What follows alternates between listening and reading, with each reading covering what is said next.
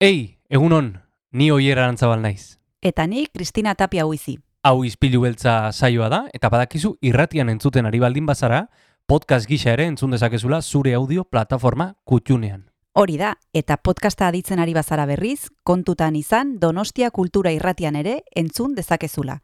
FM eundazazpi puntu lau frekuentzian. Sare sozialetan ere topatuko gaituzu noski, izpilu beltza bilatuta, Instagram, Facebook eta Twitterren. Besterik gabe, guazen gaurko saioarekin. Az gaitezen,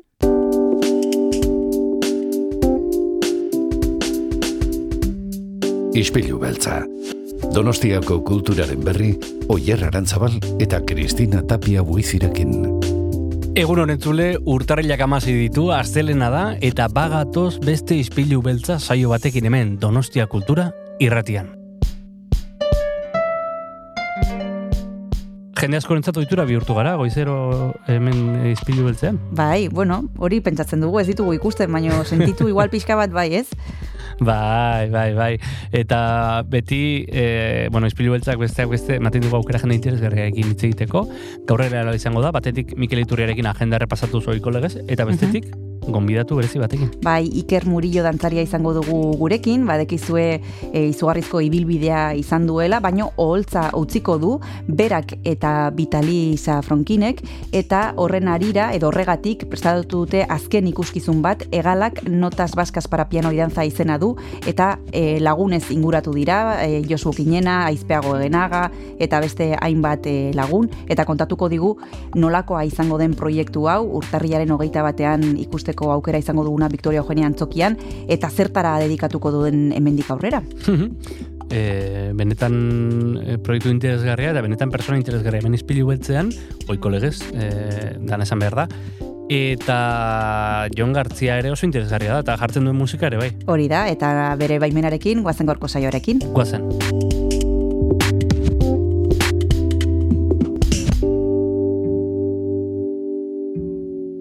Guazen gaurko saioarekin entzule eta guazen aste honi hasiera ematera Jon Maiak atera berri duen kantu berriarekin, hause da, kantu hau kantatu.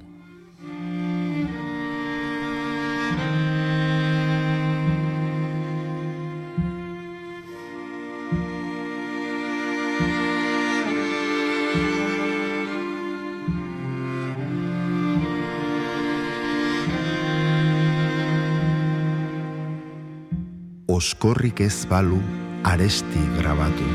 Letek bizigaia izar bilakatu. Lurde siriondo ez balitz ausartu. Izebak ez balit zintaura pasatu. Ez balitz ertzainak, ez balitz kortatu. Lujanbio ez balitz maialen eratu. Salvador ez balitz txistutan altxatu. Nik ez nuke zertan kantu hau kantatu eta amurizak ez balu predikatu, gaur milaka gara, aseran laukatu, aita hil akatu, izan ez bagenu, barkatu, baina atzerago, geratu. Gernika ez balute bombardeatu, eta Euskal Herria militarizatu, hildakoak izen gabe lurperatu, hizkuntza jendea zigortu, zanpatu, aurrak humilatu, herri bat ukatu, ipuin eta kantu denak debekatu, zituzten lurrera ez bagenu migratu, nik ez nuke zertan kantu hau kantatu.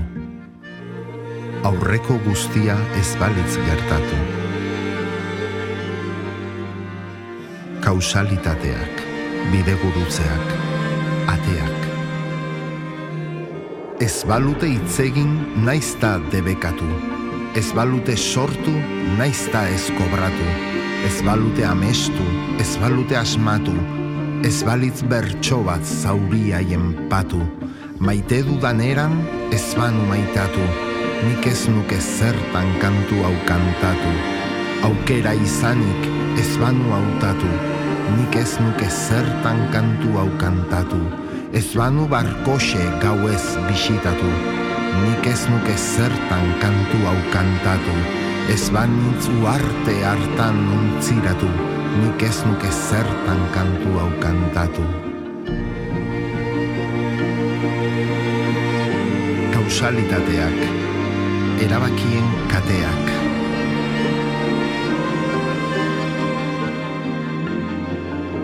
ez banintza usartu, ta mugak behartu, naizta hankasartu, lehen bertso ura ez banu bukatu.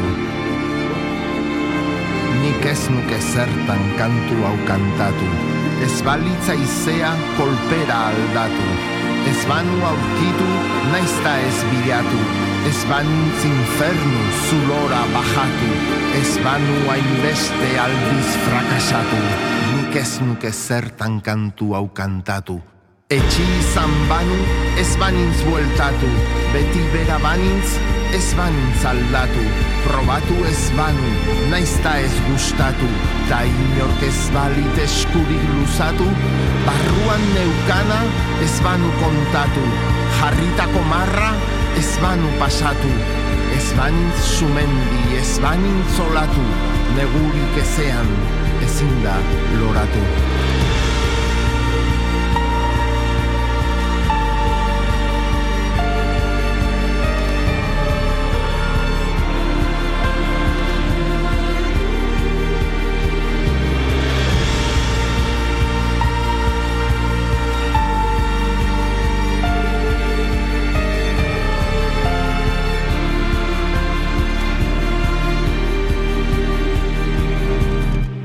Zein da la Guaxeta ta García Lorca, Cesare Pavese ta Peio Errota, Bilin Txaiamonte, Bertolt Brecht, Sortziko Txikia, Jijopa, Gaztetxea, Plaza, Bertsoa, Roka, batzen dituen bizipen puzlea, lotzen dituen soka, alabak, lana, borroka, ta asteburuero, herrien errota, ondarru, arantza, zestoa, algorta. Bota, bota, bota. Kantatu, kantatu, kantatu. Ez balitz aurreko guztia gertatu. Ez balitz aizea kolpera aldatu. Nik ez nuke zertan kantu hau kantatu. Hasieran iragarri dugun bezala, Mikel Iturria izango dugu gurekin agenda errepasatzeko, astenero etortzen da, eta gaur ere horrelaxe egin, gu, egin du, ze, naiz eta aste hau nahiko arraroa den, eta nik pentsatzen dut ostiralean e, jai izango dula, baino txintxo-txintxo etorri zaigu. Egunon, Mikel, zer zaude? Egunon, Kristina eta entzuleak. Baldima daude, entzuleak ere agurtuko ditugu. Hori da, baldima daude. Baten bate ongo da, nik, nik badakit, baten bat badagoela. Ze jendeak ba, esaten digu lanean eta e, entzuten dutela gure saioa, ez dakit e, horre ongo diren justu gaur, baina entzuleak baditugu, Mikel, bai. Perfecto. Zemuz daude? Oso ondo, e, aste laburrontan, oso ondo, inoiz baino beto zu? Bai, nire bai, aste laburra eta zengo dugu, ba aurrera begira. Hori da, gaurkoa da urteko bigarren kultur periskopioa, baina aste berezia da, esan dugu ostiralean San Sebastian eguna ospatuko dugula, eta donostian, ba, igual justo aste hontan ez dago gauza hundirik ez da, Mikel? Ez, ez dago gauza hundirik, baina beitu, ondo esan dugu, San Sebastian eguna, ze guain, gero eta gehiago jendeak esaten dut donostia eguna, eta dut gaizki esana dagoela. Bai, bai, gaizki esana dago, eta hemen badugu horrekin oso pertsona e, zorrotza, eta da Harri Fernandez hemen ibilitakoa, eta sutan bai. jartzen da entzuten duenean donostia eguna, eta nik beregatik ikasi dut oso ondo ezin dela esan hori, pekatua dela, eta San Sebastian eguna dela. Oso ondo, ba, bitu, Harri agurtzeko aprobetsatuko dugu. Hori da. E, a ber, ba, ez daukagu goz, handirik adi ez daukagu ezer, antzerkian, dantzan badu zerbait, baina musikarekin nasita joango nez, ba, guazen zuzenian musikaren natalera baina gian, ba, horren aurreti kanta bat jartzea. Eta joango naiz, laroita marreko amarkadara eta frantziako tolosa, horrela esan beharra dago, e, zebda taldearen tombe la chemise kanta entzungo dugu. Oso, no, ba, guazen entzutera.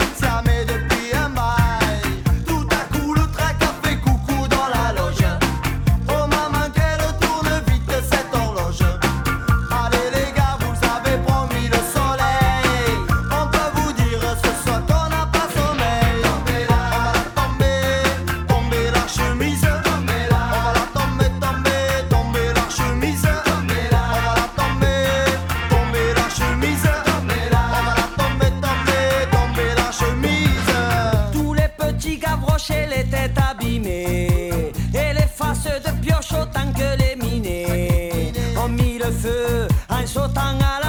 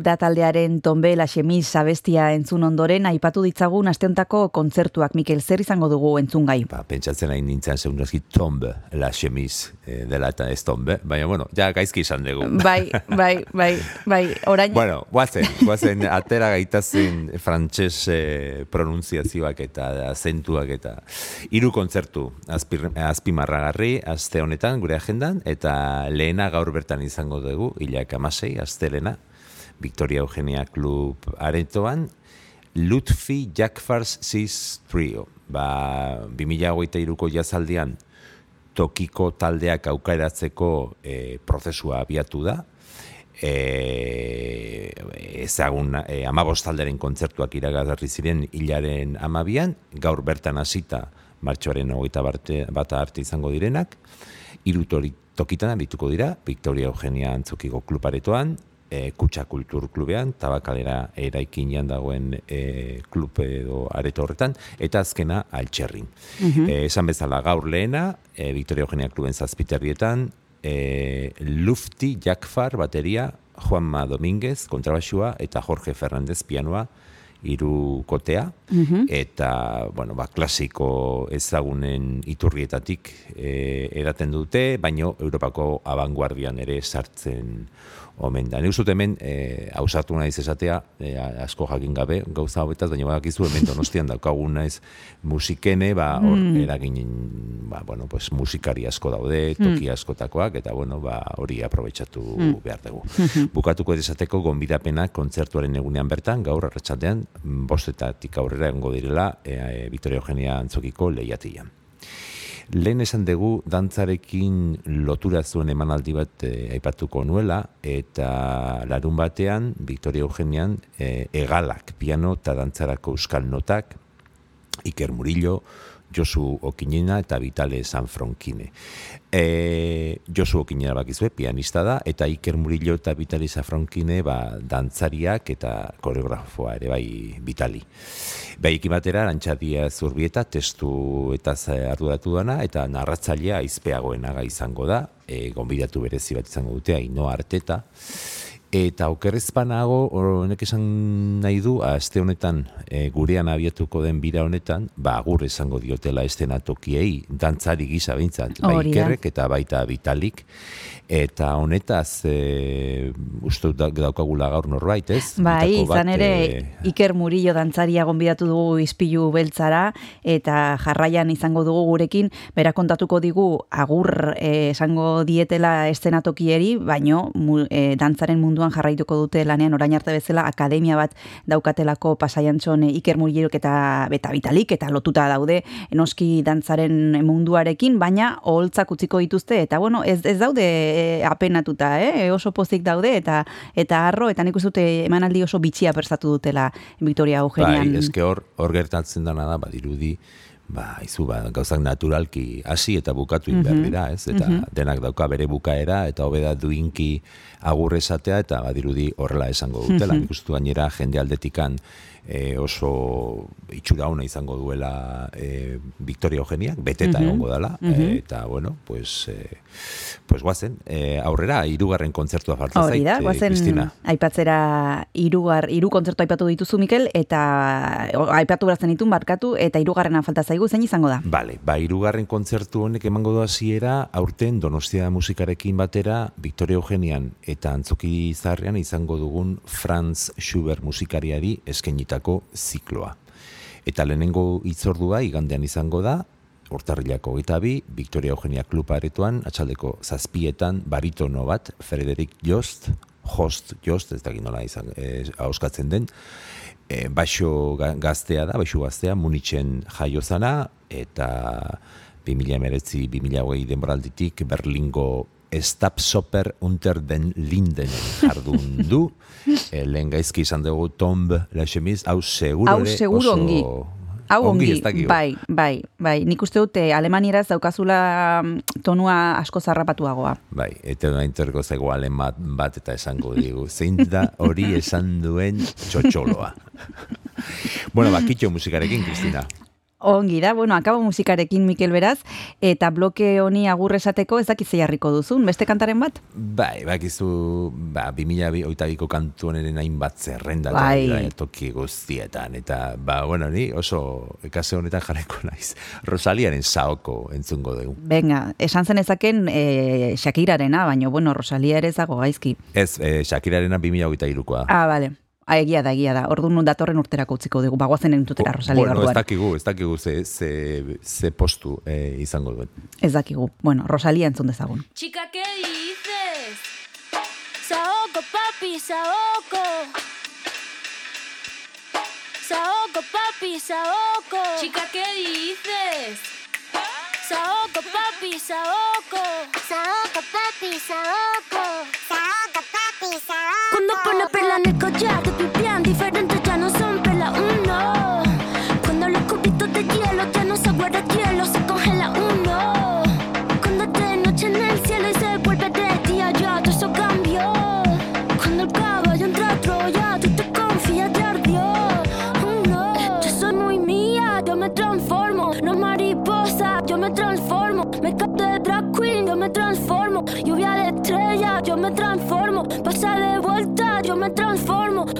Como yo me transformo. Me contradigo, yo me transformo. Soy todas las cosas, yo me transformo. Frank me dice que abra el mundo como una nuez. Si me muero, me muero por la boca, como muere, ve. Sé quién soy, a donde vaya, nunca se me olvida. Yo manejo, Dios me guía. El loco te lego, bebé. Quien que cuando te habla un bebé. Un te voy con tal bebé. La cadena vida, bebé. Como un pavo real, bebé. Cerilla quemar, bebé. Tu cara, tu mira, bebé. Si te vuelvo a besar, bebé. A ver si sirven de algo. Los caramelos de la moza. Cierra la pámpara. Nada te puede parar. Cierra la pámpara. Nada te puede parar. Y ya, toca el estilo. Foca el estilo. Foca el stylist. Foca el estilo. De la tijera. Y ya, cógela y córtala. Y ya, cógela y córtala.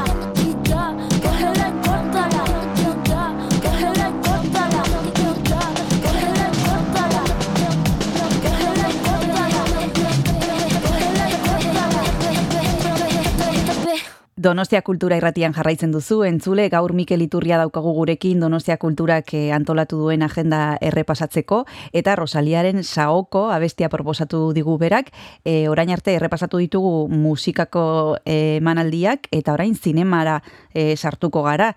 Ze, ze daukagu aste honetan, Mikel? Bai, nik tarte eh, sartu irten laburra izango, da, normalean beti ez da gauza bera, zinemaz astean zehar eh, saio honetan Josemi Beltranek eh, hitz egiten du, baina gaur gogoratu nahi dut asteazkenean, hilaren emezortzian, nosferatu zikloa abiatuko dela tabakaleran, iluntzeko zan, e, zazpietan, eta oraingoan Frantziako zinema beltzari e, eskainia dago, e, zikloa Donostia Kulturak eta Euskadiko filma, e, filmategiak antolatu dute, e, tabakalera eta mm, Valentziako filmotekarekin batera, eta esan bezala, ba, arte izango dugu.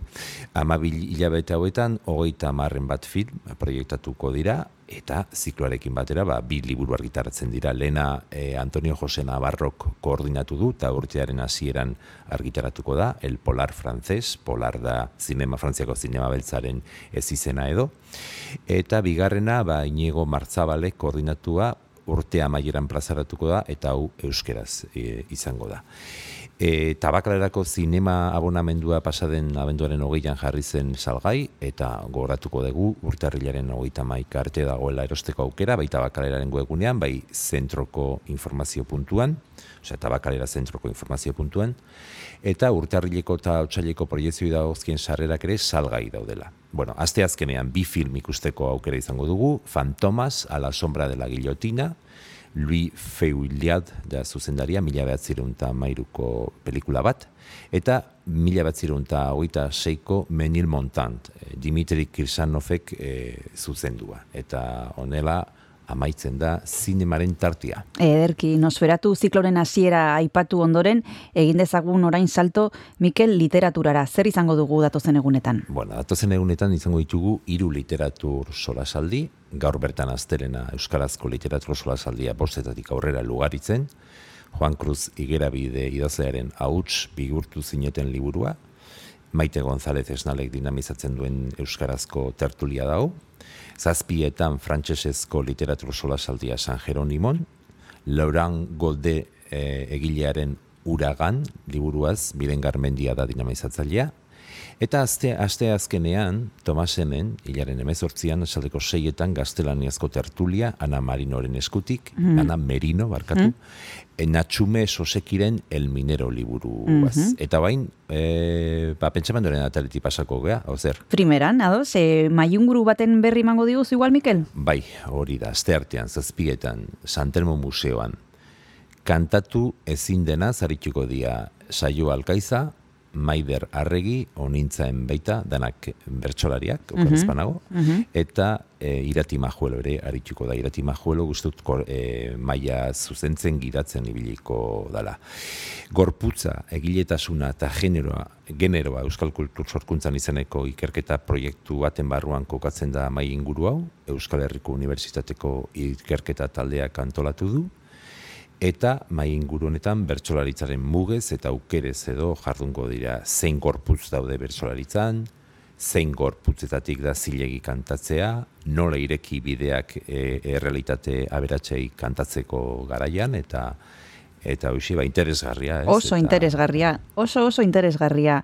Honekin bukatuko dugu agenda, baino hori baino lehen, bukatu baino lehen aurrak aipatu behar ditugu. Mikel, aurrak dituzten familientzako zer? gomendioak, ba, gomendio bakarra, zen daitazte berezi xamarra denez, e, gero festet, festak ez ditugu aipatu, a, aur danborra da, da, helduen danborra da, e, danborra da osteko buruko minak, eta guzti horiek e, egongo dia, eta bar, eta bar, eta horren larun batean, hilako gita bat, atxaldeko bostetan, magoa izango dugu, aiete kulturetxean, kidan magoa egongo da, aroa eta mirariak, e, bueno, esperimentu magiko bat edo e, ikusteko aukera izango dugu, hasiar kidamen e, eskutik, eta aurrei zuzendutako emanaldi hau e, emanaldi honen berri eman ondoren, ba, listo. Oso ondo. Gogoratu behar dugu, Mikel, e, beste behin, komeni dela gertutik jarraitzea Donostia Kulturaren e, sare sozialak, batez ere abildua Donostia Kultura kontua Twitterren, eta webgunea donostiakultura.eus, mm, por si acaso, e, azken orduko aldaketaren bat egongo balitz, hor bertan e, informazio guztia eguneratua jasotzeko aukera daukazuelako. Eta gur esateko, Mikel, beste kanta bat, venga, zer entzungo dugu orain? Ba, Irlandako post-punk revival taldea da, Fontaines DC, eta kantua da Jackie Down the Line. Eta horrela esango dugu, aio, aio. Bueno, ba, ondo ondo pasa San Sebastian eguna, Mikel, eta hurrengo astelenean hemen, txintxo txintxo, agur. Bai, agur, berdin.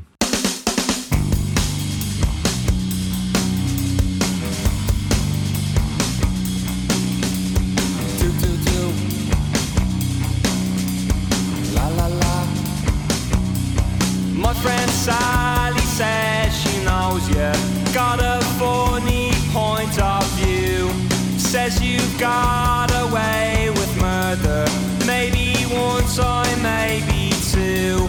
Something happens in the morning when I can't see those failing eyes. I can't find a good word for you. Does it come as a surprise? I don't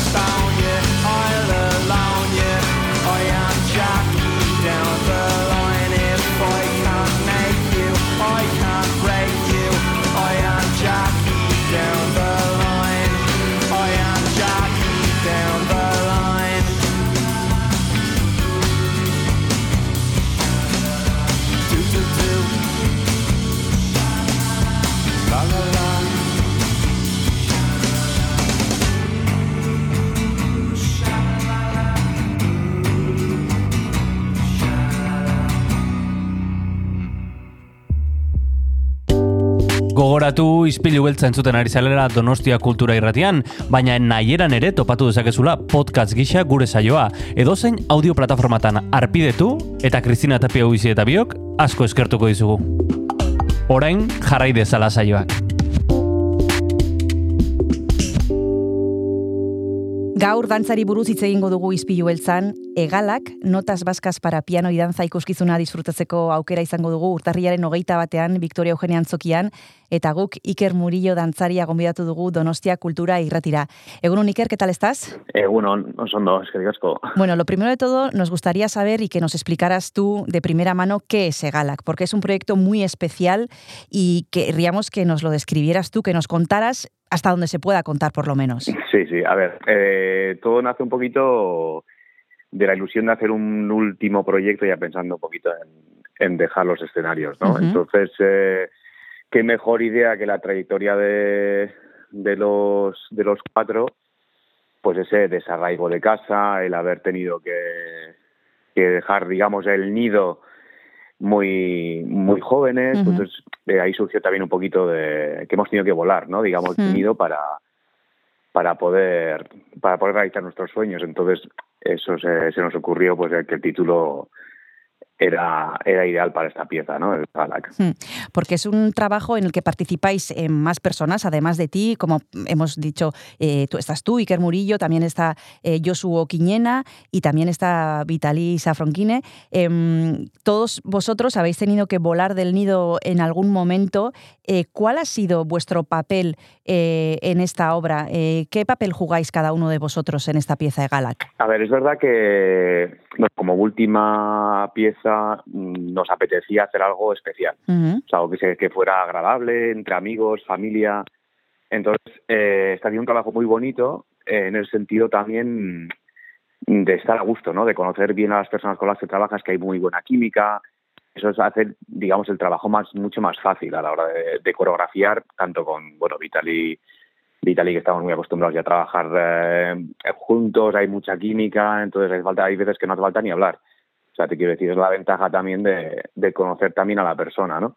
Y, no, cada uno al final decidimos, eh, fuimos un poquito hablando qué se podría hacer, va, yo toca el piano, eh, Vita coreografía, nosotros bailamos, Ainhoa canta, que hace tiempo que queríamos hacer algo con ella, y, y en cuanto le comentamos la idea, bueno, le encantó, dijo, bueno, sí o sí, eh, dejo todo lo que tenga que hacer, ese 21 estoy con vosotros. Y es ha sido un trabajo, pues, pues muy, muy bonito, porque es muy de casa y, y muy a gusto, la verdad. Hmm, hmm. Cuando dices Ainhoa, tenemos que especificar que se trata de Ainhoa Arteta, que también ha participado en este proyecto.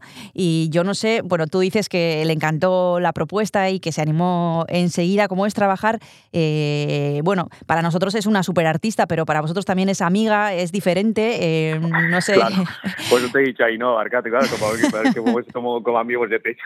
Claro, claro. Ainhoa porque ves cómo me ha salido, claro. Claro. No, pues con lo que te digo, muy bonito, porque es, o sea, no hay nada mejor que, que hacer algo tan bonito que sea lo último, además, entre gente que quieres, ¿no? Que, que tiene esa química también tan buena. Hmm. Tenemos que mencionar también a Arancha Díez Urbieta, que ha escrito los textos y mm, ha sido un trabajo muy coral. Yo no sé cuando es un trabajo así, donde participan tantas personas y uno tiene una idea clara en la cabeza, cómo se hace para compartir. Sí, sí, a ver, la idea, sí, la idea al final la teníamos clara, ¿eh? O sea, son al final ese desarrollo que hemos tenido los cuatro, eh, los momentos, pues eso, alegría, tristeza, orgullo, eh, que hemos vivido du- du- durante nuestra carrera, ¿no? Entonces, eh, ese tema, digamos que se, ha hecho fácil, digamos, el, contar un poquito la historia, el trabajo, eh, y hablar con Arancha también, o sea, eh, está siendo especial porque hay mucha química entre nosotros, entonces es mucho más fácil a la hora de trabajar y a la hora de crear una pieza, ¿no? Porque es, es verdad que llevamos mucho tiempo con esto ya desde que desde que empezamos eh, a hablar de ello, buscar un, un sitio donde poder grabarlo, porque lo grabamos en, en Lanzarote en julio, en. Jameos del Agua. Y, y también los trajes que he querido que, que participara gente de aquí, con Iraya Oyarzabal, que hemos hecho también que es de Pasaya. Entonces está siendo como muy hogareño todo, muy bonito. De cara al espectador y mm, ¿En qué se traduce que el proyecto haya sido trabajado entre amigos y en familia, como dices? Porque aquí hablamos muchísimo, muchísimas veces con artistas y a veces les preguntamos cuál es la diferencia entre ejecutar e interpretar lo que, lo que hay que hacer eh, y hacerlo con alguien con el que tienes una química y, como decías antes, con que, con que nos miremos basta. El resultado ¿Es diferente? Sí, se nota, se nota, es mucho más agradable. Tú, a ver, es verdad que yo mm, ha sido una decisión que hemos tomado ya al dejar los escenarios, porque hace, bueno, ya hace 24 años que, eh, 24 años que he estado fuera, Vitali, Vitali lo mismo. Entonces, eh, es verdad que al volver dices, joder, hemos tenido trabajos tan bonitos y hemos trabajado con tanta gente que al final eh, es, es muy diferente el poder eh, trabajar con una persona que conoces personalmente y tienes esa química a no, eh, digamos, que te venga un coreógrafo invitado. eh, o sea, la sensación que tienes, ese, eh, el estar a gusto, el expresar también, yo creo que tiene mucho significado. La diferencia de poder trabajar con alguien de confianza, ¿no? Que, que al final eso yo creo que en los escenarios se nota. Ujú. estar a gusto en el escenario, disfrutarlo, ¿no? Pues como decíamos, este es el proyecto, eh, el último proyecto de, de Iker Murillo y compañía, Egalac. Ahora mismo vamos a seguir hablando de este trabajo tan especial. Nos vamos a tomar un descanso y volvemos enseguida.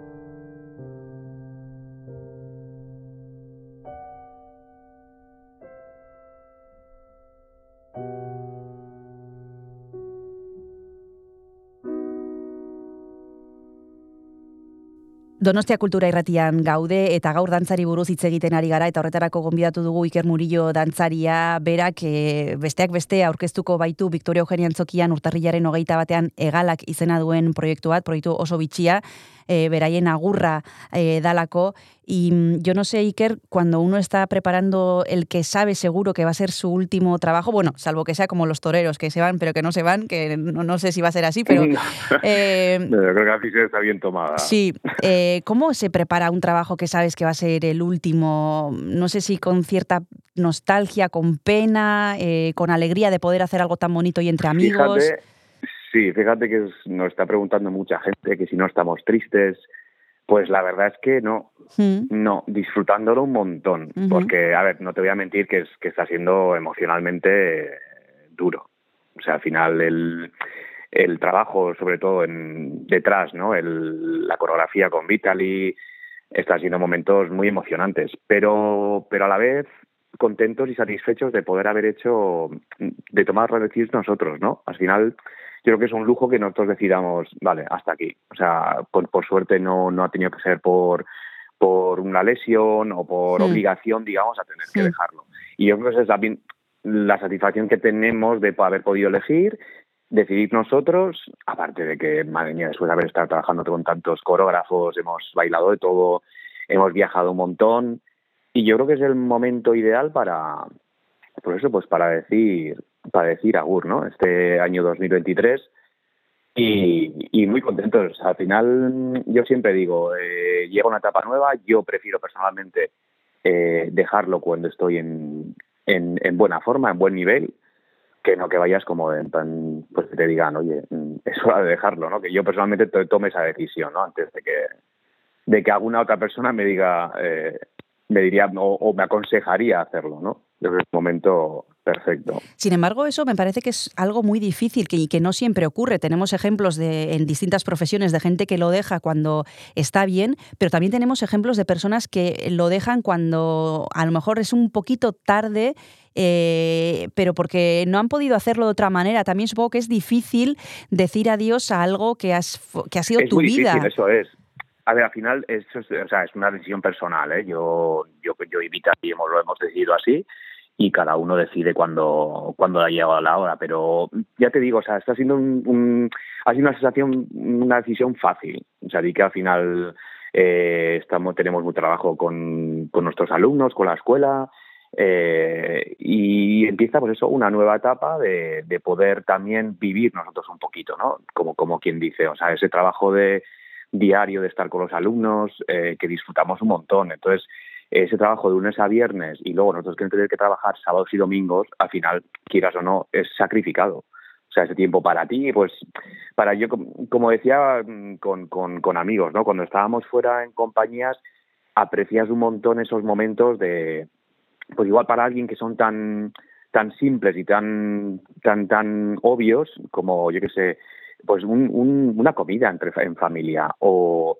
o una merienda o tomarte algo con tus amigos sin tener que pensar al día siguiente jo tengo que trabajar es fin de semana y al final esas cosas eh, las apreciamos un montón no que dices bueno joder pues creo que también nos merecemos el, empezar a vivir un poquito nuestra vida privada también y tener un sábado y un domingo libre, como quien dice, ¿no? Y no, la verdad es que con ganas de, de dar este nuevo paso, la verdad. Sí, porque tenemos que recordar que se retiran de los escenarios, pero que ellos siguen trabajando, porque eh, Vitali Safronquine y Iker Murillo tienen una academia en Pasayancho, entonces eh, van a seguir trabajando, que es que no, no, se, no se van a las No, no, Bahamas sí.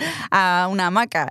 Eh, Sí, sí, ya nos han dicho, oye, que ya dejáis, os jubiláis del todo. Digo, pues la verdad es que no, todavía no, no toca. No toca. por eso te digo que estamos muy contentos y, y, y- y satisfechos con el trabajo que estamos haciendo. Los chavales eh, trabajan un montón, eh, ya hemos mandado un par de chavalillos fuera también, que es lo que, lo que consiste, ¿no? Al final lo- todo lo que has aprendido tú, pues ahora pasárselo a, a los alumnos, ¿no? Y, y bueno, eso es la, es la preferencia que vamos a tener ahora al final. Ujú. Ahora mismo vamos a seguir hablando de tu carrera. Antes nos has mencionado una cosa muy interesante y es el hecho de abandonar el nido, que también se sustenta en eso este proyecto titulado Egalac, pero no me gustaría terminar esta parte, Iker, sin mencionar la música. Tal vez eh, Joshua Quiñena sería el más adecuado para contestarme, pero vamos a decir que en este proyecto la música tiene una relevancia especial en todo el espectáculo. Eh, se van a interpretar eh, canciones de Aita Donostia, de Aldave, de Zubeldia, de Vidaurre, en fin, un repertorio mm, escogido con mucho mimo. Sí, para nosotros la mira muy, muy importante. Yo tenía claro que,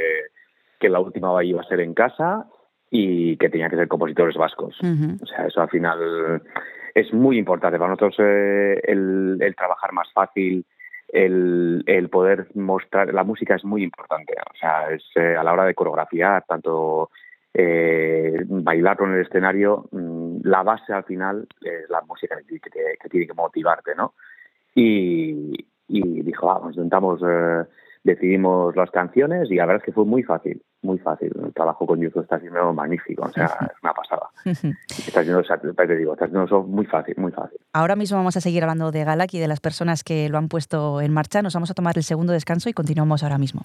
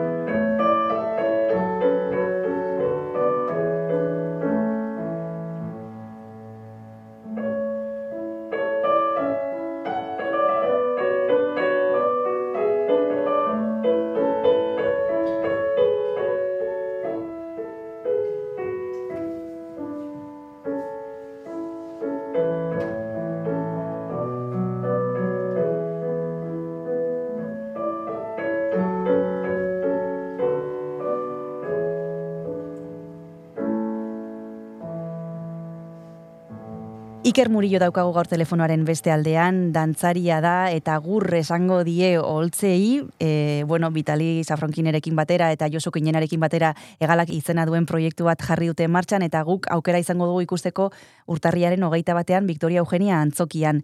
Antes, al principio del todo, Iker, nos has mencionado una idea que yo no sé si ahora también eh, ocurre así. Cuando vosotros empezasteis, eh, tuvisteis que salir de casa.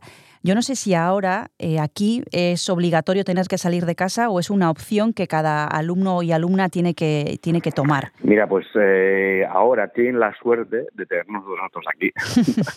la verdad es que eso es una ventaja. Es verdad que a la hora de formarte, eh, pues como, escuela profesional que somos, pueden quedarse unos añitos más. Eso cada uno toma su decisión. ¿eh? O sea, nosotros les aconsejamos. Para mí siempre cuando tenemos un, un alumno es nuestro hasta el final. O sea, se le acompaña, sea... Claro, Saitas también tiene muchas dudas eh, y es normal. Ellos no saben en qué mundo va, va a ir su hijo o su hija. Entonces, eh, y a nosotros nos agrada también por ayudarles, ¿no? O sea, teniendo la experiencia que tenemos, pues sea, sea escuela, sea, sean, vayan por contemporáneo, por clásico, dónde pueden ir, dónde les conviene, dónde les viene mejor. Al final, para nosotros es muy importante no abandonar al alumno, ¿no? sino seguir su trayectoria y poder ayudarle y colocarle, como quien dice. Pero bueno, antes yo me tuve que ir por, no diría por desgracia, pero bueno, ahora no, la verdad es que no me arrepiento de nada. O sea, yo la verdad es que ha sido una carrera magnífica, o sea, estoy súper satisfecho. Pero es verdad que eh, viendo ahora con, con los alumnos que estamos trabajando, eh, hay algunos que se les hace muy difícil tener que salir. Entonces, son, son unos chavalillos. Entonces, eh, es verdad que agradecen mucho que estemos aquí, que puedan quedarse unos añitos más antes de, digamos, de audicionar o hacer eh, un quinto sexto último curso del conservatorio en vez de tener que empezar desde el primero. Entonces, y creo que los pa- algunos padres también lo, agra- lo agradecerán. Bueno, es que son carreras que empiezan muy pronto. De hecho, bueno, es que siendo tú tan joven, ya tienes una trayectoria detrás que en otras profesiones, pues ahora mismo estarías casi casi que em- empezando entre comillas, ¿no? Podríamos decir. Y sin embargo, vosotros empezáis tan pronto em, que yo no sé ahora, echando la vista atrás, Iker, cuando estás preparando tu, último trabajo en los escenarios, eh, no sé qué recuerdos se te vienen a, a la cabeza. ¿Qué, no sé si has tenido algún, algún pensamiento de, tus inicios estos días o... Sí, de todo. La verdad es que está siendo, se nos remueve un poquito todo, todos estos años que va como si fuera una película así en eh, rebobinando en rápido de, de todos esos momentos, ¿no? Bonitos, duros, difíciles. Y fíjate que ayer estábamos enseñando con, con Aicea y, hay un momento que dice, si nos caemos nos vamos a, levantar. Joder, y es verdad que al final ha habido tantas veces que hemos dicho, joder, pues eh, tiro la toalla, ¿no? Pero hemos seguido. O sea, son cosas que es verdad que no te arrepientes de nada, pero es verdad que es un camino muy duro. O sea, sobre todo el, el, tener que irte de casa, ¿no? O sea, yo cuando pienso ahora, joder, con 14 añitos, ¿cómo pude hacerlo? No, en ese momento no te das cuenta, porque, joder, vas, eh, vas fuera, dices, oh, estás súper emocionado, es un, es, una, es un mundo nuevo que vas a descubrir. Eh, y Vitali salió con 10, Vitali se fue con un internado con 10 años. Entonces, joder, cuando piensas esas cosas dices, pero bueno, luego ha merecido la pena, aunque haya sido, pero como en todo trabajo, yo creo que tienes momentos mm, muy duros, bajos, mm, altos, pero vamos, que si, si hubiera hacer, yo siempre digo, somos bailarines y seguiremos siendo bailarines, o eso nunca se, se abandona. Hmm. Y ahora, Iker, que estás al otro lado y que te toca estar con lo- los chavales y las chavalas y estar un poco en el otro lado, ¿no? Eh, ¿Habría algún consejo eh, que te hubiera gustado recibir en tus inicios cuando tenías 14 años y, y en casa se planteó la idea de tener que salir fuera? Que alguien te hubiera dicho qué te hubiera gustado en, eso, en ese momento, algo que ahora sabes y que en ese momento te habría venido bien. Sí, para mí es muy importante respetar siempre la decisión del alumno, siempre. Yo cuando, cuando viene algún alumno eh, que vemos que no, que no está a gusto o que, que igual viene un poquito forzado o porque alguno de los aitas quiere que el niño o la niña baile, para eso es muy importante que el alumno quiera venir, o sea, que venga a gusto, o sea, que disfrute con lo que hace. Y es verdad que mm, muchas veces eh, eso te puede, te puede crear, digamos, no un, eh, un contra, pero mm, o sea, hay que tener mucho cuidado con esas, con esas cosas de, de, de tener, de obligar a algún niño a hacer, a hacer algo que no quiere, ¿no? Entonces, tenemos la suerte de tener mm, todos los alumnos que tenemos que vienen porque quieren. O sea, es lo que, lo que, y ya claro, ya en otro nivel de, de mayores ves que, que, que, se lo trabajan, o sea, que, que tienen que tienen una cosa metida en la cabeza que quieren ser bailarines, o sea, quieren ser bailarines profesionales. Entonces, con ellos es un gustazo trabajar, porque pues eh, sabiendo a dónde van, eh, les puedes exigir mucho más, ¿no? Al final, quieras o no, los niños pequeñitos es una base, trabajas de coordinación, música, eh, haces un ejercicio completamente diferente, ¿no? Pero, pero la verdad es que sí que sí que echen falta un poquito también ese el que me guiaran un poquito, ¿no? Donde lo que te he comentado antes que para es muy importante. Me gusta saber de él y, y saber que está bien. En cualquier momento siempre decimos si no estás a gusto, eh, no pasa nada, se puede mirar otra cosa, otra escuela. Pero eso, eso la verdad es que yo creo que tanto como, como el, el alumno la alumna y los AITAS lo, lo agradecen, la verdad. Estamos hablando de tus alumnos y de tus alumnas y tú que tienes ahora como una perspectiva global de cuando empezaste ahora, las cosas obviamente han cambiado muchísimo, pero sin embargo hay una cosa que ahora me dirás eh, qué opinas de ella, eh, siguen siendo mayoritariamente niñas las que, las que se apuntan a las academias de danza y a las de ballet en concreto también. Eh, ¿Hemos evolucionado en esto? ¿Todavía se vincula la danza con algo femenino? ¿Qué, qué te parece? ¿Que ha habido Eh, evolución? Vamos lento. Lento. Lento.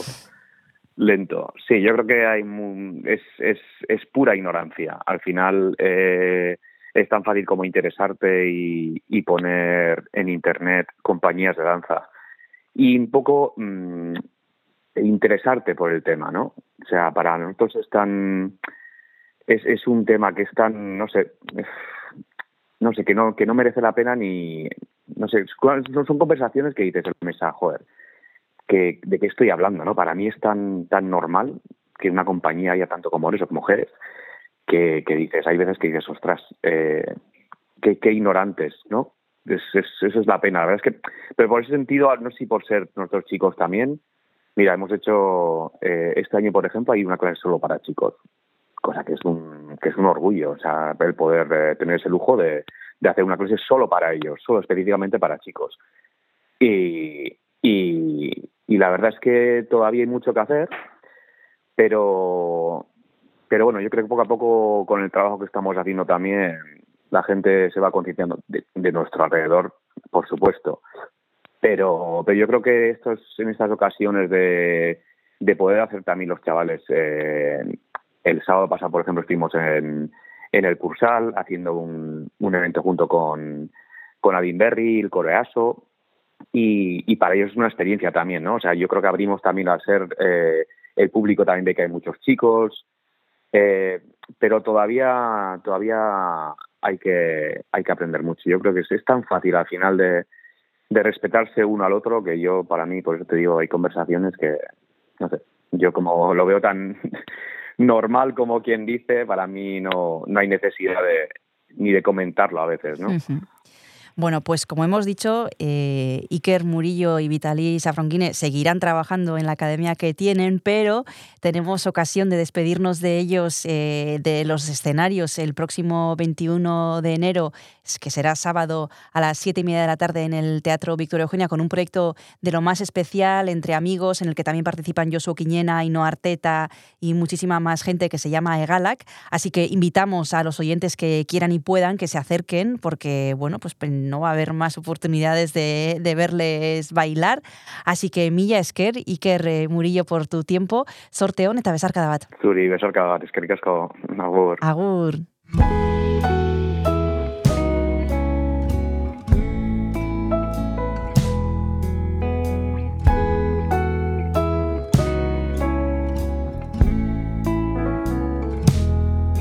Basoa hartu duzuak lehenik hil dira hartzak Aize berriek aritza jotzen dukete zartzat Beldur dira asko narrak, muskerrak ta horkatzak. Izkiok eta piztiok irira dara matzak. Uso karraskariak tan arratoiak egaldan Gau ontza desegokiak saldoka zaldi saldan Txakurre rabiatuak eundakako samaldan. Hautzegindako mandoa urtarrileko maldan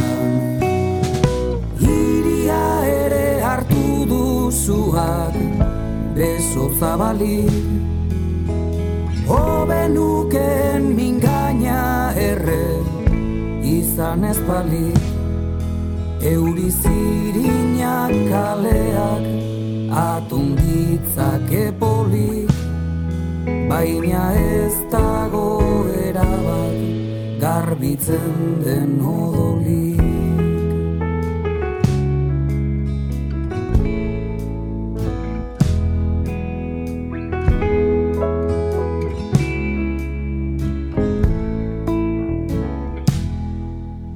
Euskararen hitz bakoitzak esan nahirik badauka. Hori da mona beltza metroan alarauka. Basurdea desgaraiko basatzetan iraulka Arri estrategikoa presentearen aurka leire estrategikoa presentearen aurka. Itzak ez badira bala ta iztunak soldadu. Zer da bahira baztea, zer da aien zer dago Euskararen hitz bakoitzak esan nahirik Euskararen hitz bakoitzak esan nahirik ez badu orduan erabiltzeko. Hitzak ez badira bala ta iztunak soldadu.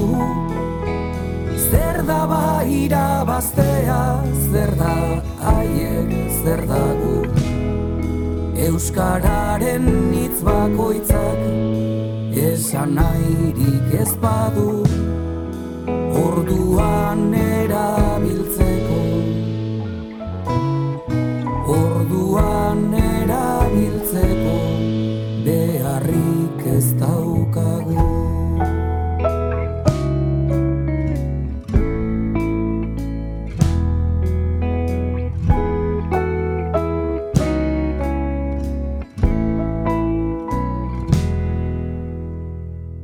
Amaitu dugu izpilu beltza, amaitu dugu astelena, eta astearteari behira jarriko gara, mm, errepaso bat egingo dugu, mm, oiko legez eskamak kentzen izango baitugu, eta beste gauza mordoa. Eta beste gauza mordoa, egon nadi, zegu bihar txintxo txintxo itzuliko gara. Hemen izpilu beltzean, donostia kultura erratian. Aio, aio. Agur.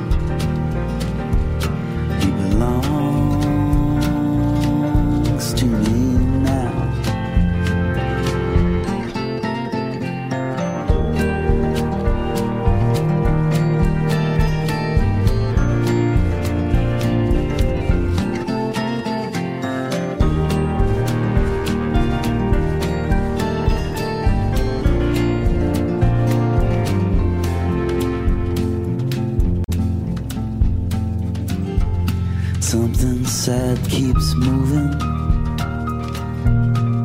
So I wander around. I fell in love with the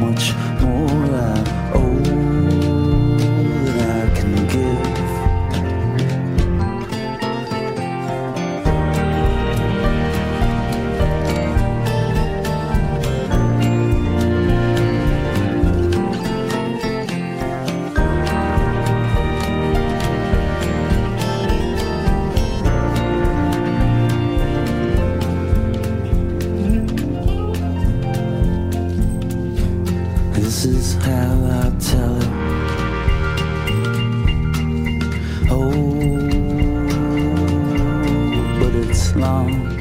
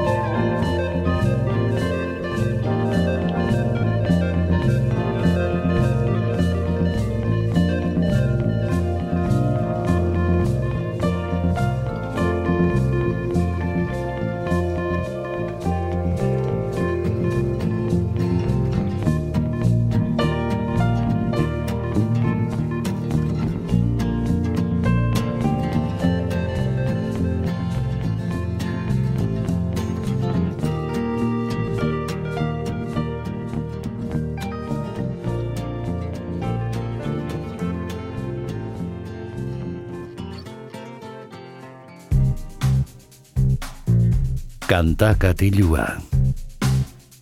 Jon Gartziaren eskutik. Egun honen zule, ongi etorri garko kantakatiura, iritsi gara izpilu beltzari agur esateko unera, eta asteleneko lehen izpilu beltzani agur esateko berara joango gara, badakizuet bera herri berezia dela, izan ere han eh, roka benetan maite dute eta handik ba, talde ugari atera dira, kalitate ezinobeko taldeak. Garkoan talde berri bati buruz hitz egingo dugu hain zuzen ere, arat izeneko taldearen inguruan eta haien lehenengo lanaren inguruan. E, talde berria da, baina partaideak ezagunak dira, e, Ibai gogortza dago kitarran eta ahotsean, Matxin Arbelaitz e, dago baterian eta Inigo Teietxea basuan, e, borrokan e, Joseba Irazoki Mize eta beste hainbat proiektutan aritutako jendea dugu, guazen e, besterik gabe diskoarekin astera, hause da lehen abestia, itzala.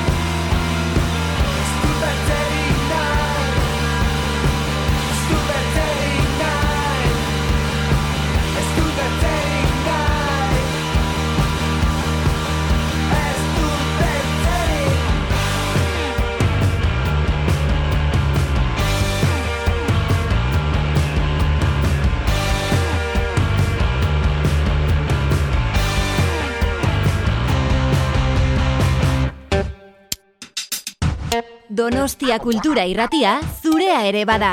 Zatoz eta parte hartu.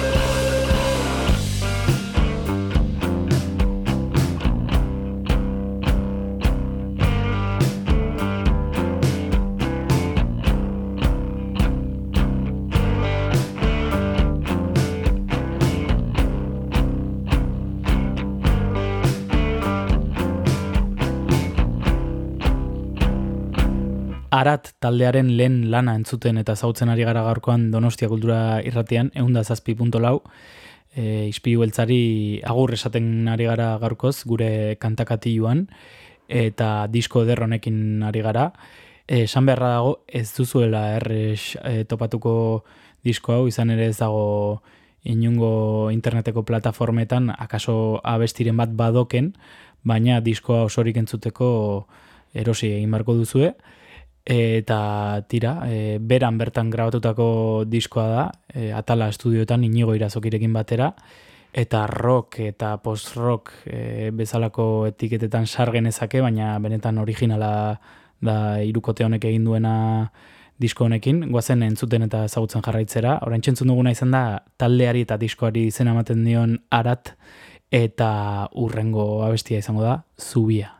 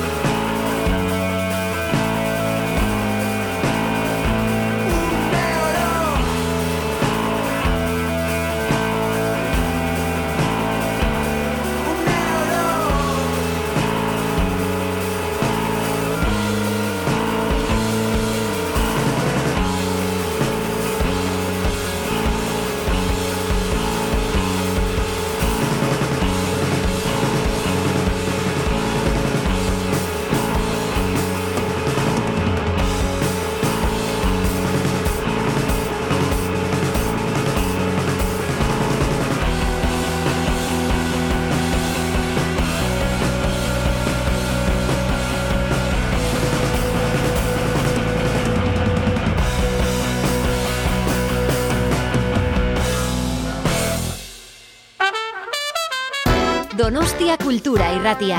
Eun eta zazpi puntu lau.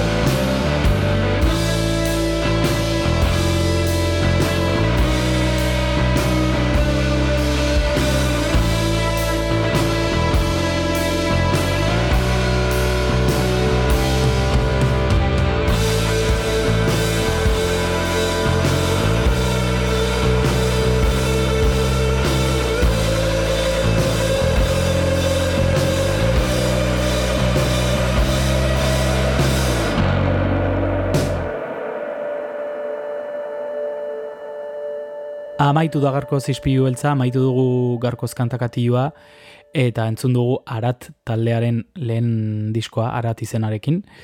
E, berako taldearen estreinua entzun dugu garkoan, Donostia Kultura Irratean, eta ba, benetan originala eta ederra egin duten disko hau. E, guk e, gaurkoz amaitu dugu, e, jostaiuak izeneko kantua entzun berri dugu, eta azken abestia utziko dizuegu, muga izeneko kantu ederra eta luzea, eta honen bestez bihar arte agur agur esango dizuegu, beraz, e, aste artera arte.